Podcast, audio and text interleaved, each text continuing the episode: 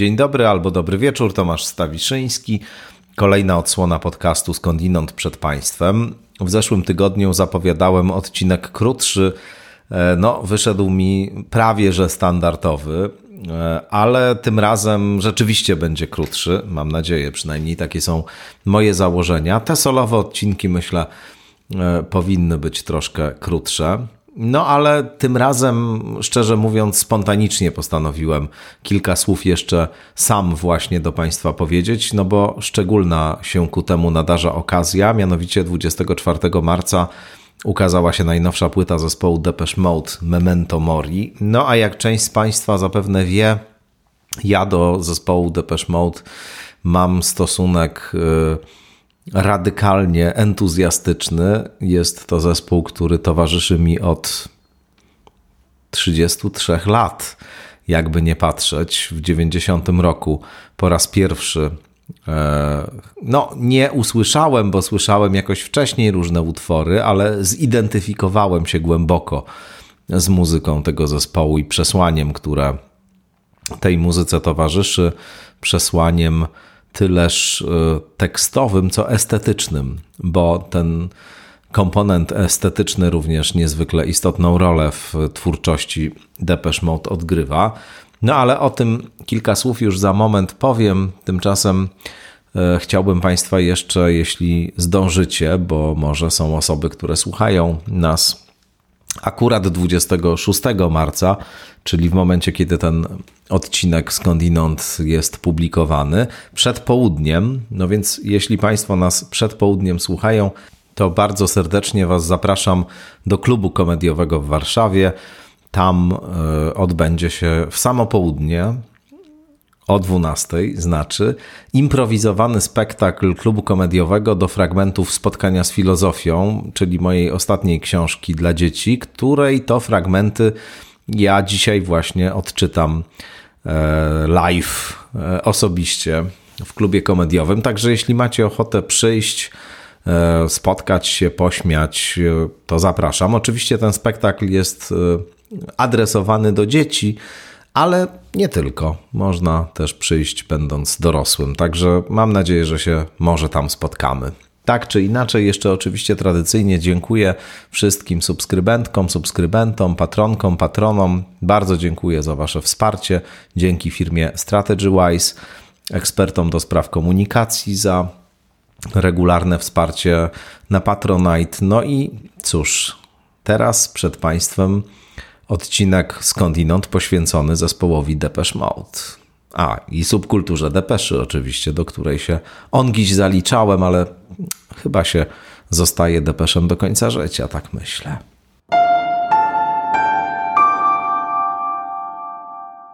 To moje dzisiejsze wystąpienie rozpocznę od y, takiego tekstu, który kiedyś napisałem do pewnego nieistniejącego już portalu Tekst jest żartobliwy, ale tylko trochę żartobliwy. Zresztą, jak wiadomo, w każdym żarcie jest tylko trochę żartu, a reszta to prawda. No, w każdym razie tekst dotyczy e, tego właśnie, e, jak przekonać kogoś, kto niespecjalnie jeszcze e, interesuje się albo docenia muzykę zespołu Depeche Mode, do tego, żeby właśnie zrozumiał, jak wspaniały jest to zespół. No, tu jest rzeczywiście wiele instrukcji, które wydają mi się bardzo trafne. Mam tutaj kilka argumentów, które można zastosować właśnie w stosunku do kogoś, kto takim przekonanym depeszem jeszcze nie jest, czyli fanem zespołu po prostu. Także mm, proszę, posłuchajcie, a być może i skorzystajcie. To znaczy, tu są takie rekomendacje dotyczące tego, od czego na przykład można zacząć swoją przygodę z muzyką tego zespołu, jakich utworów warto posłuchać na początku, co obejrzeć. No, myślę, że może dla tych wszystkich, którzy jeszcze się z zespołem Depeche Mode tak na dobre nie zetknęli, to ta mała instrukcja będzie e, jakoś ciekawa. Także teraz to Państwu przedstawię, a później jeszcze powiem o najnowszej płycie kilka słów. No ale teraz przed Państwem argumenty, dokładniej rzecz biorąc, jest tych argumentów pięć, które pozwalają nawet najbardziej zakamieniałego antydepeszowca przemienić w depeszowca.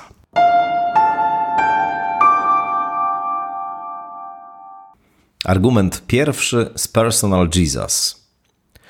Jest to argument opierający się na tak zwanym rozumowaniu przez analogię, korzystający również z zabiegu erystycznego zwanego pars pro toto, czyli część za całość. Ponieważ nie ma takiej możliwości, żeby piosenka Personal Jesus komukolwiek się nie podobała, podoba się bowiem wszystkim, dosłownie wszystkim, nawet najbardziej drapieżnym, długowłosym metalom, przeprowadzamy rozumowanie mające na celu uświadomienie błądzącemu, że inne piosenki Depeche Mode są nie tylko tak samo dobre jak Personal, ale nawet lepsze. W celu demonstracji po elementarnej perswazji puszczamy z YouTube na przykład Never Let Me Down Again, Strange Love, Behind the Wheel, Black Celebration, Fly on the Windscreen, Lie to Me, World in My Eyes, Walking in My Shoes, I Feel You, Barrel of a Gun, Sister of Night, Nothing's Impossible. No, sporo tego jest. Wskazujemy także prawdę dość oczywistą, że skoro jedną piosenkę ów błądzący polubił, no to może logicznie rzecz ujmując polubić także inne, nie może natomiast dłużej, logicznie rzecz ujmując, twierdzić, że Depeche Mode to zły zespół, ponieważ taki sąd w sposób oczywisty implikuje, że wszystkie bez wyjątku ich piosenki powinny być totalnie beznadziejne.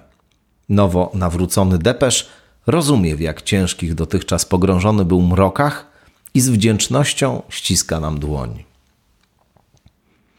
Argument drugi z Devotional – antydepeszowca zapraszamy do domu pod dowolnym pretekstem.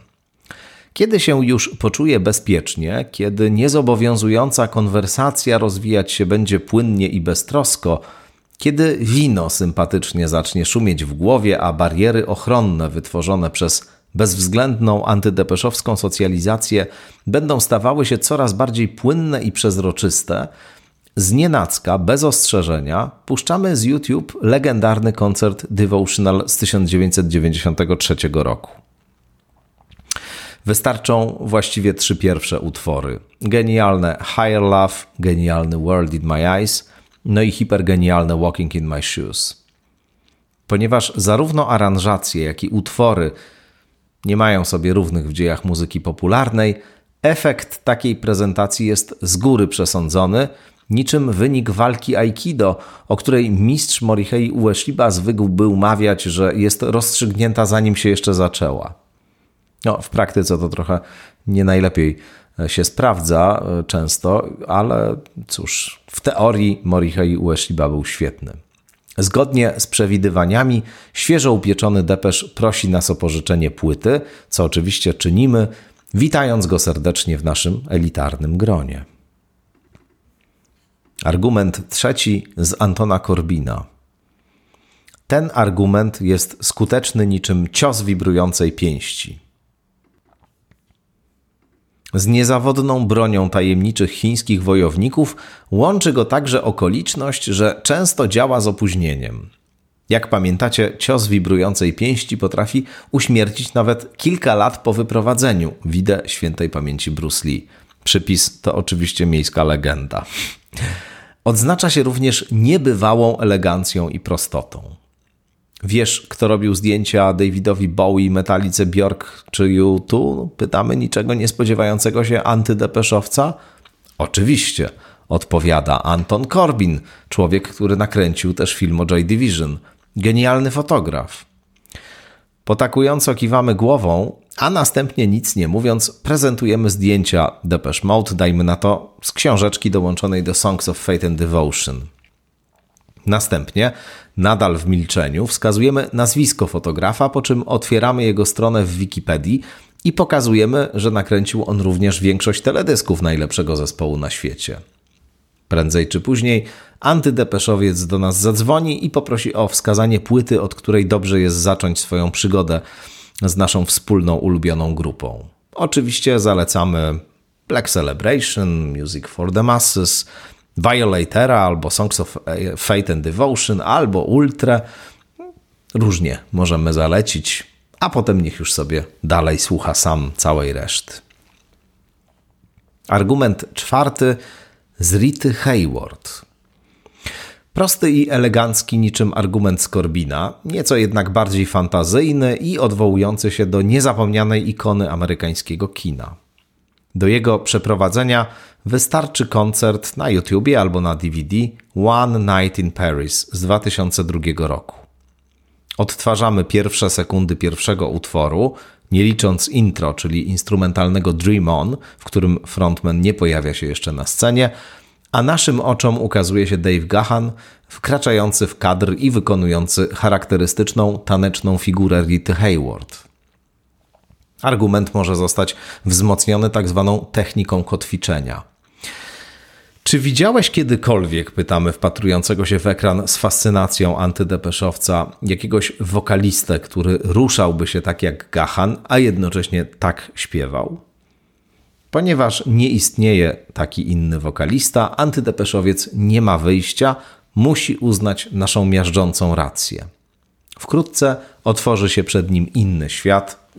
Życzymy mu więc powodzenia na nowej drodze i dajemy na dobry początek Songs of Fate and Devotion, czyli najlepszą płytę najlepszego zespołu na świecie. Czyż można sobie wyobrazić lepszy prezent? Argument piąty, argument Zen. Argument Zen stosujemy w przypadku tej bardzo rzadkiej, ale jednak występującej w przyrodzie populacji antydepeszowców, na którą nie działają żadne z wyżej wymienionych argumentów. Jak wiadomo, istotą zen jest błyskawiczne, bezpośrednie wprowadzenie nieoświeconego w naturalny, doskonały stan umysłu. Bez podchodzenia, bez zawiłych rozumowań, bez rozbudowanych demonstracji. Argument zen w przypadku Depeche Mode jest banalnie łatwy do przeprowadzenia. Należy po prostu odtworzyć antydepeszowcowi singlową, podkreślam singlową, a nie albumową, na to przyjdzie czas później, wersję utworu In Your Room.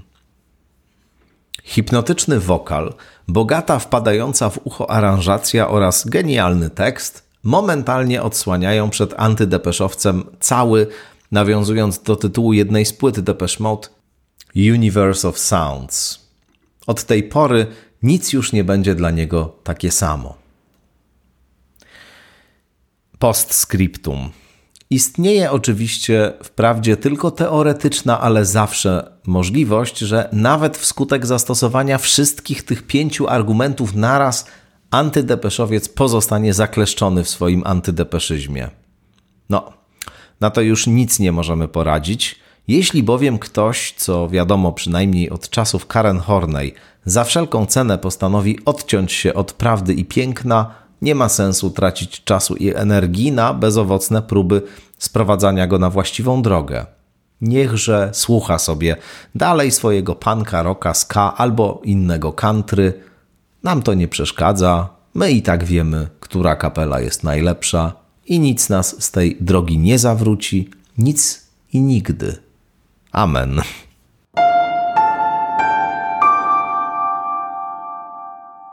Proszę to potraktować jako żart, jako coś takiego, co zdecydowanie z przymrużeniem oka jest pisane. No ale te utwory, te koncerty, te płyty, które tam polecam, to z całą odpowiedzialnością i ręką na sercu polecam. Absolutnie mogą Państwo korzystać z tych właśnie rekomendacji, jeśli dopiero stykać się będziecie po raz pierwszy. No może nie po raz pierwszy, ale pierwszy w sensie świadomym z muzyką E, zespołu Depeche Mode, a jest to 40 lat w tej chwili dorobku, no ponad 40 lat, e, w tej chwili już 43 lata. I to jest coś rzeczywiście niesamowitego, mam wrażenie, ta niebywała popularność z jednej strony, z drugiej strony żywotność, e, a z trzeciej strony całe to bogactwo muzyczno, estetyczno-filozoficzne, bo będę się starał tu Państwa przekonać, że e, muzyka zespołu Depeche Mode, czy to wszystko, co się z tym zespołem wiąże, to nie jest tylko kwestia e, stricte muzyczna właśnie, ale to jest też coś, co e, wiąże się z jakąś postawą wobec świata, z jakimś specyficznym światopoglądem, z jakimś specyficznym sposobem przeżywania siebie, bliskich relacji, świata, życia, z określonym stosunkiem do transcendencji, do miłości, do sztuki. To właśnie czyni, myślę, ten zespół tak e, niezwykłym zjawiskiem w historii muzyki, e, no bo to jest zespół, który całą ogromną subkulturę wytworzył. Nie on jeden, rzecz jasna, ale chyba w takiej skali i z takim oddaniem, no to jest to zdecydowanie e, kwestia właśnie tego jednego zespołu. Tu jest e, po prostu dlatego właśnie tak się wydarzyło, że tu jest coś więcej aniżeli tylko taki oczywisty estetyczny wybór. No, ja pamiętam bardzo dobrze, jak zetknąłem się po raz pierwszy świadomie z e, tym zespołem. Był rok 1990, miałem 12 lat wtedy. No i różnych jakichś rzeczy słuchałem, głównie e, po prawdzie Jacka Kaczmarskiego, bo to były dźwięki, które e, mi towarzyszyły od najmłodszych lat, po prostu u mnie w domu. Ten Kaczmarski cały czas e, był i no, słuchałem go non-stop siłą rzeczy i też bardzo lubiłem go słuchać.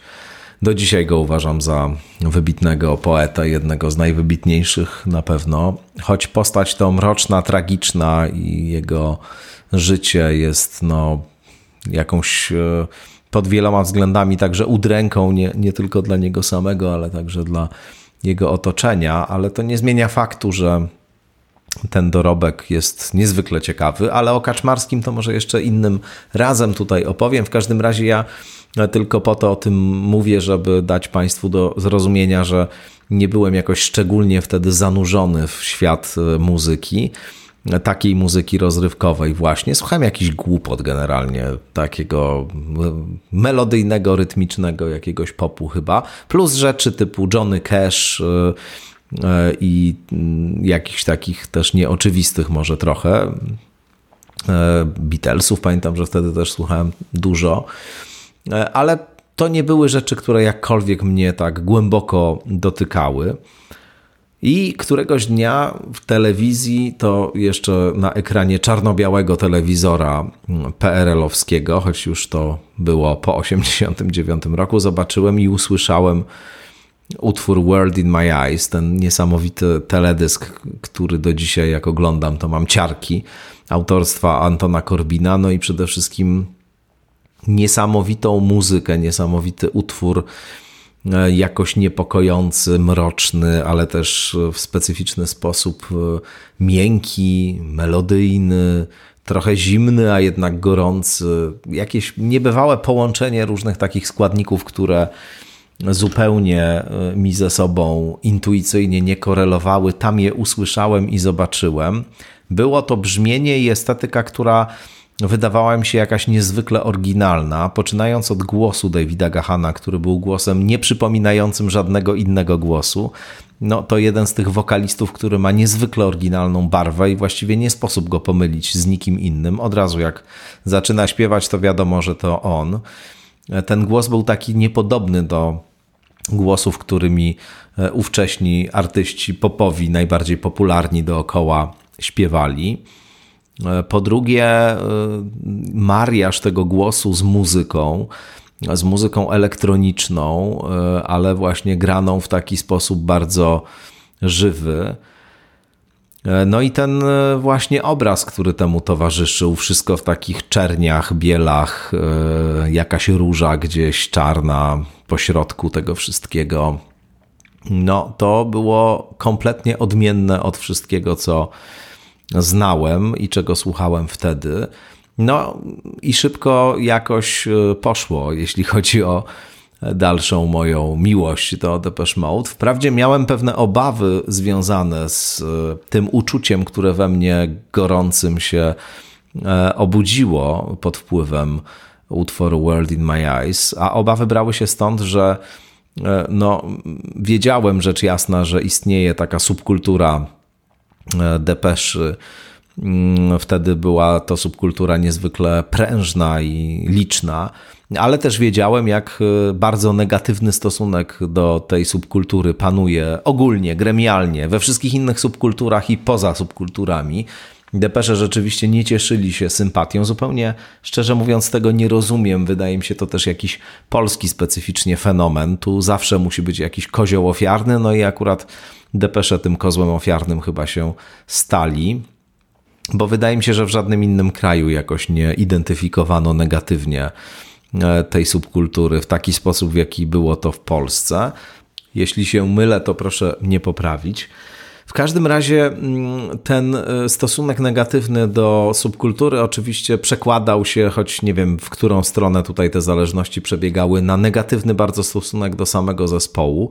Nie wiem dlaczego, ale uchodziło za dobry ton towarzyski przez bardzo długi czas jakieś manifestowanie swojego lekceważenia albo wręcz głębokiej niechęci do muzyki tego zespołu. Do dzisiaj to jeszcze gdzieś tu i ówdzie pokutuje. Ja od czasu do czasu spotykam jeszcze jakichś ludzi, zazwyczaj właśnie z okolic mojego pokolenia, 40-parolatków dzisiaj, którzy właśnie w ten sposób reagują na, e, na ten zespół, co jest o tyle e, kuriozalne i zawsze było kuriozalne, no, że akurat jeśli chodzi o Mm, pozycję i sposób widzenia tego zespołu w, powszechnie w kontekście historii muzyki rozrywkowej, no to jest to zespół e, uważany za pod wieloma względami wybitny i pionierski i, i też mnóstwo wielkich artystów, którzy są od e, muzyków Depeche Mode młodsi, jakoś się identyfikuje, przyznaje do inspiracji, fascynacji tym zespołem. No więc to jest jakaś zupełnie specyficzna, mam wrażenie, polska przypadłość, żeby tak y, negatywnie i lekceważąco o tym zespole się wypowiadać. W każdym razie tu trochę wspomnień. Rzeczywiście wtedy na początku lat 90. nie było to w dobrym tonie, żeby się e, przyznawać do, do miłości do tego zespołu. No więc ja miałem duże wahania, czy w ogóle powinienem jakoś te swoje przywiązanie do Depeche Mode manifestować jeszcze poprzez ubiór i fryzurę. E, no, ale z drugiej strony muszę powiedzieć, że tak głęboko we mnie ta muzyka zaczęła rezonować, tak głęboko we mnie zaczęły pracować również te teksty. Wtedy je czytałem w takich dostępnych w wydaniach książeczkowych tłumaczeniach. Nie znałem jeszcze na tyle, chociaż uczyłem się i umiałem już całkiem sporo po angielsku, ale no, ten poziom zaawansowanej metaforyki wymagał jednak głębszej znajomości niż ta moja dwunastoletnia wówczas, więc y, miałem dostęp do tych tekstów, które wydawały mi się bardzo poruszające i głębokie, choć na dobrą sprawę myślę, że niewiele z nich wtedy tak naprawdę rozumiałem. Miałem jakieś swoje szlaki skojarzeniowe, no więc Rzeczywiście w którymś momencie się zdecydowałem, żeby zacząć gromadzić te wszystkie depeszowskie insygnia, ale cóż, nie było wtedy internetu. Nie mogłem w Google'a wpisać e, nic na ten temat, ani też nie mogłem zapisać się do jakiejś na przykład grupy na e, Facebooku, która zrzesza fanów zespołu i znaleźć tam wszystkie informacje dotyczące tego, co to właściwie znaczy być depeszem, jak to się robi, że się depeszem zostaje. No i cóż, y, musiałem się rozejrzeć y, dookoła i poszukać kogoś, kto mógłby być takim dla mnie wzorcem, jeśli chodzi o ten depeszyzm. No i oczywiście znałem taką osobę, w każdej szkole przecież był jakiś taki klasyczny, stuprocentowy depesz w tamtym czasie. W mojej też był, wprawdzie w klasie starszej, y, o dwa lata chyba, i y, no, y, z tego powodu wydawał mi się to człowiek raczej niedostępny, ale mm, był faktycznie.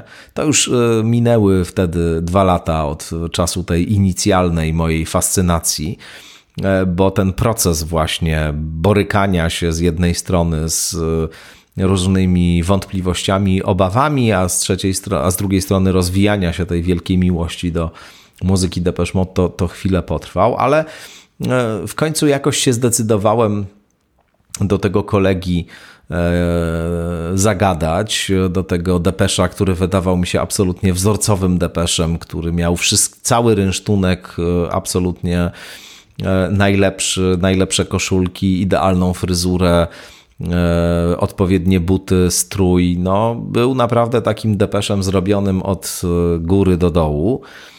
No i ten kolega został potem moim bardzo dobrym kumplem, przyjacielem właściwie takim z czasów młodzieńczych. Maćku, pozdrawiam cię serdecznie.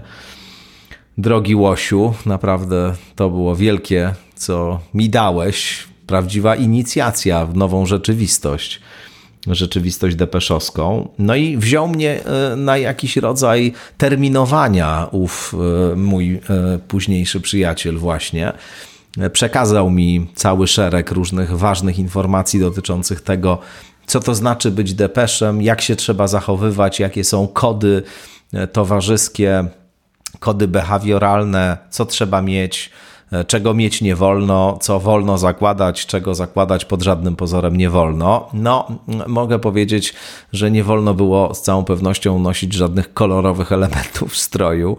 E, jeśli chodzi o dress code, sprawa była zdecydowanie ściśle zdefiniowana. Można było nosić e, spodnie jeansowe, można było nosić spodnie w kolorze czarnym oraz białym, nic innego. Skarpetki też albo, no, no właściwie białe to przy tylko pewnych jakichś e, układach, na przykład przy białych spodniach, ale generalnie no to również czarne. Buty pamiętam wtedy Martensy były takim dobrem e, rzadko spotykanym. Ktoś tam e, miał e, martensy przywiezione z Berlina, ktoś gdzieś indziej za granicą trafił, już się zaczęły pojawiać na jakichś bazarach czy w jakichś sklepach pojedynczych, ale to naprawdę było wtedy bardzo drogie i, i raczej dla mnie na, te, na, na, na, na przykład stanowiło przez długi czas obiekt westchnień nieosiągalny, ale pod Pałacem Kultury w Warszawie było ogromne targowisko, na którym można było, jak Państwo niektórzy z pewnością pamiętają, kupić wszystko. I tam e, były liczne stoiska z obuwiem, i były takie specyficzne półbuty, które nazywano fleczerkami, dlatego że e, podobny krój, podobny fason obuwia nosił zmarły w zeszłym roku, niestety przedwcześnie zdecydowanie Andrew Fletcher, czyli jeden z e, członków e, zespołu. No i cóż, e, te fleczerki przez bardzo długi czas tam kupowaliśmy pod pałacem. One nie były chyba najlepszej jakości, tak dzisiaj myślę, choć wtedy wydawały mi się absolutnie wspaniałe i bardzo je lubiłem, no ale nie były za dobrej jakości, ponieważ błyskawicznie się ścierały. Chodzenie we fleczerkach tak pewnie miesiąc, dwa było możliwe, a później to już trzeba było nowe kupować, bo od razu cała podeszwa była równo starta. No ale nie były one też jakoś specjalnie drogie, więc można sobie było na to pozwolić. No, kolejnym elementem były koszulki, też oczywiście białe albo czarne, ewentualnie oczywiście to było bardzo wskazane koszulki z emblematami zespołu. Dwa sklepy pamiętam w Warszawie wtedy. Jeden na Ząbkowskiej, a drugi przy Hali Mirowskiej w pasażu, tam gdzie e, i dzisiaj są różne e, dobra do mm, kupienia, bo tam jest taki bazar w tej chwili. Wtedy był taki pawilon e, i no właśnie nie pawilon, tylko taka część, gdzie były różne sklepy, stoiska. Tam był właśnie sklep z różnymi koszulkami, jakimiś muzycznymi gadżetami, insygniami, etc. No i e, ja głównie tam się zaopatrywałem w tym sklepie, e, przede wszystkim dlatego, że to było najbezpieczniejsze. Najbezpieczniejsze, ponieważ wyjeżdżając e, w Warszawie w różne miejsca z depeszowskimi insygniami, można było narazić się na przemoc werbalną, ale nie tylko werbalną, również przemoc fizyczną po prostu. To były niebezpieczne czasy, te lata 90. Kto pamięta lata 90., ten dobrze wie, jak to wtedy w Warszawie wyglądało. No a dla depeszy to było w dwójnasób albo trójnasób niebezpieczne, ponieważ jak powiedziałem już wcześniej, nas e, tępili, prześladowali i gonili wszyscy. W związku z tym niestety musieliśmy używać różnych forteli, żeby nie być rozpoznanymi. No, przede wszystkim e, trzeba było sobie włosy spłaszczać z tej fryzury charakterystycznej zwanej lotniskiem. No to takie są boki, tył wygolony, a na środku wszystko stoi. Dave Gahan nosił takie włosy przez wiele, wiele lat, no i do dzisiaj zresztą coś w tym stylu ma na głowie. Natomiast to był znak charakterystyczny E, przynależności do subkultury depeszy i wszyscy fryzjerzy jak się przychodziło i mówiło, że lotnisko poproszę, bo to taka była nazwa, albo też, że poproszę po prostu depeszowską fryzurę, to wiedzieli co mają robić. Ja też jeszcze mogłem sobie pozwolić na to, żeby takie fryzury mieć, nie tak jak teraz. Teraz już niewiele tam, e, czy raczej coraz mniej mam do dyspozycji, ale wtedy jeszcze zasoby miałem w pełni E, dostępne. W każdym razie e, pamiętam, że w tych dwóch sklepach też e, można było niestety być czy zostać wytropionym przez różnych fanów ciężkiego metalu albo punków albo skinów, którzy tam również się albo zaopatrywali, albo czatowali gdzieś w okolicy i właśnie patrzyli, czy przypadkiem ktoś nie przyniósł nie niesie w torbie jakichś depeszowskich y, oznak czy znamion. No ale jakoś szczęśliwie e, udało mi się to przetrwać. No, y, ja cały czas z tym wspomnieniem e, prowadzę dygresję, którą e, mam nadzieję, że kontroluję. Te dygresje, mm, ta dygresja zmierza wszakże do głównego wątku, o którym tutaj powiedziałem. Tego wątku mianowicie, który powiada, że w tej e, przynależności, w tej identyfikacji z muzyką Depeche Mode jest coś więcej, aniżeli tylko taka prosta identyfikacja muzyczna. I rzeczywiście mam wrażenie, że Depeche Mode, o czym zdarzyło mi się już pisać nieraz, e, w internecie można znaleźć różne moje teksty na temat e, tego zespołu. Pisałem też niedawno, niedawno, no, w zeszłym roku taki felieton E, dla Tygodnika Powszechnego po śmierci Andrew Fletchera właśnie, e, poświęcony Depeche Mode, gdzie mm, stawiałem po raz kolejny taką tezę, że Depeche Mode to specyficzny światopogląd i postaram się teraz ten światopogląd dla Państwa pokrótce zrekonstruować.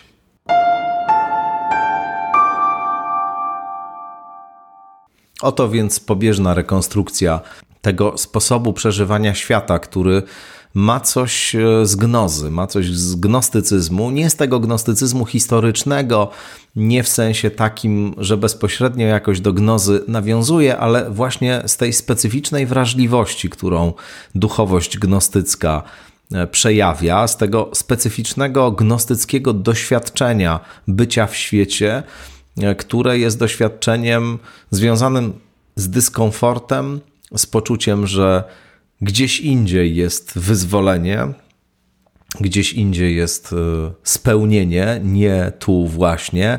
No a jeśli gdzieś, no to gdzie właśnie? Ja taki rodzaj e, właśnie rekonstrukcji światopoglądu e, Depeche Mode zbudowałem, posługując się również utworami, które reprezentują pewne aspekty czy E, pewne wątki z tegoż e, kompletnego światopoglądu, jaki wytwarza e, ta grupa, ta muzyka, te teksty, ta estetyka.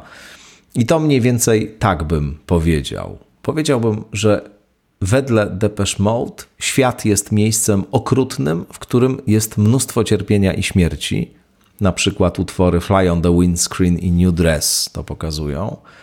Relacje społeczne są naznaczone przemocą i pragnieniem dominacji. Tu z kolei People are People i Master and Servant są wzorcowymi utworami.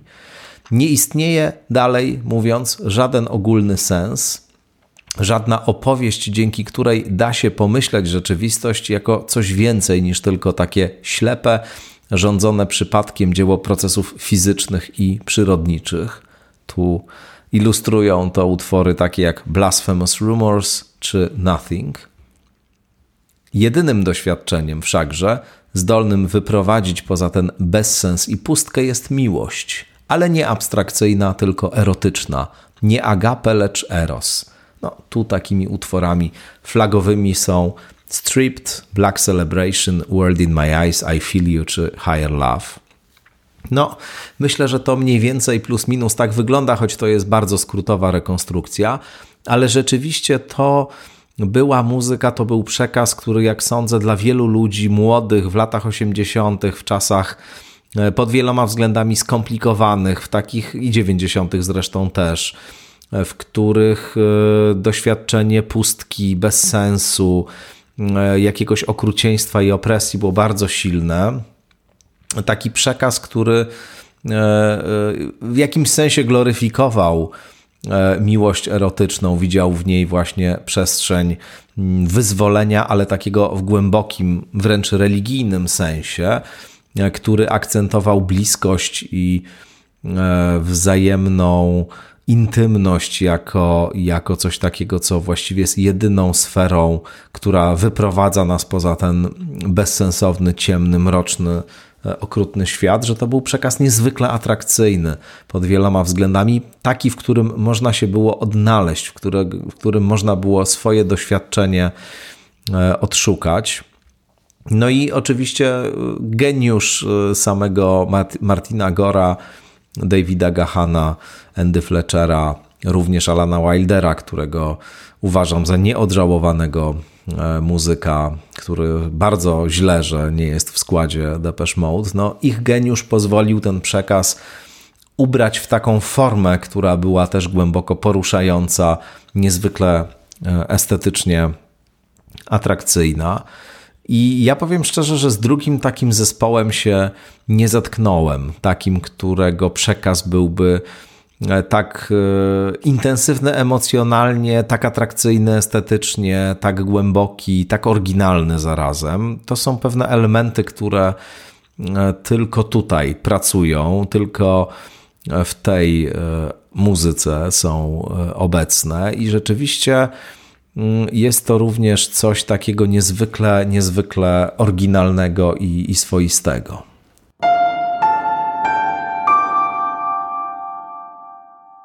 A teraz jeszcze słowo tylko o płycie Memento Mori.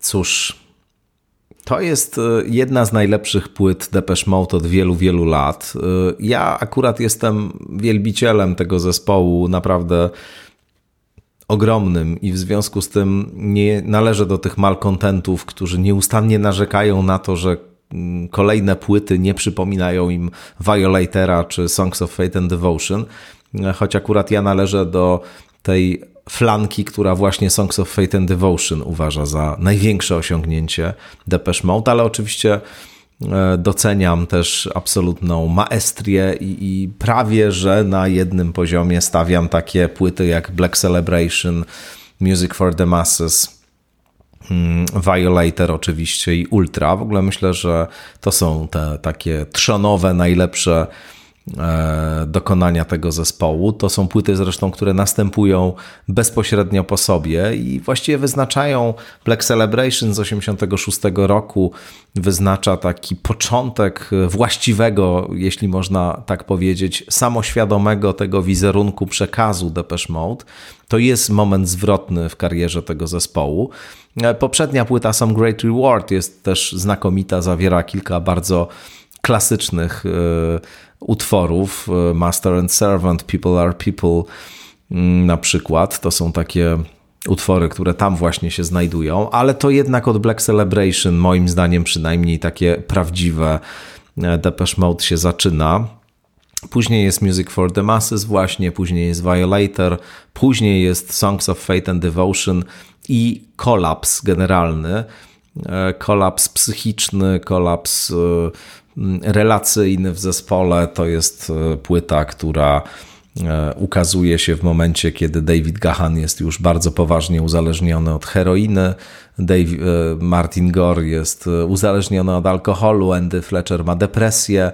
Alan Wilder próbuje to jeszcze wszystko jakoś kleić, ale niespecjalnie się mu udaje, choć jego wkład właśnie w tę płytę jest ogromny, największy w ogóle w historii E, zespołu. On później rozgoryczony także z tego powodu, że jego wkład nie został jego zdaniem adekwatnie doceniony, odszedł.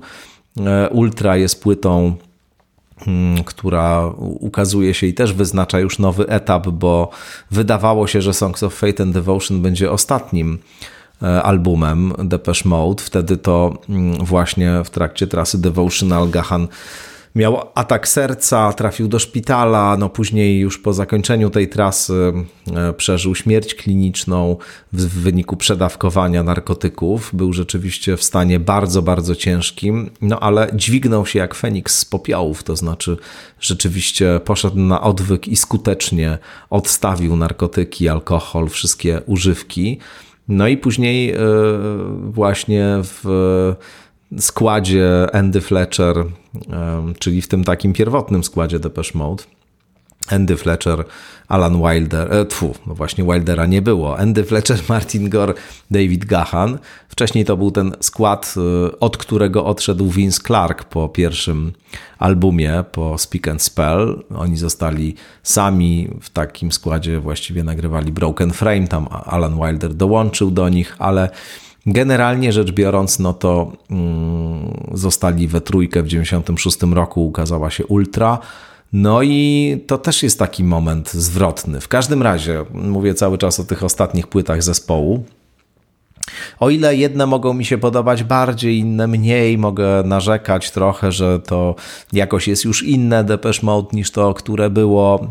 Skądinąd tak nie uważam, bo jest tu też mocne kontinuum.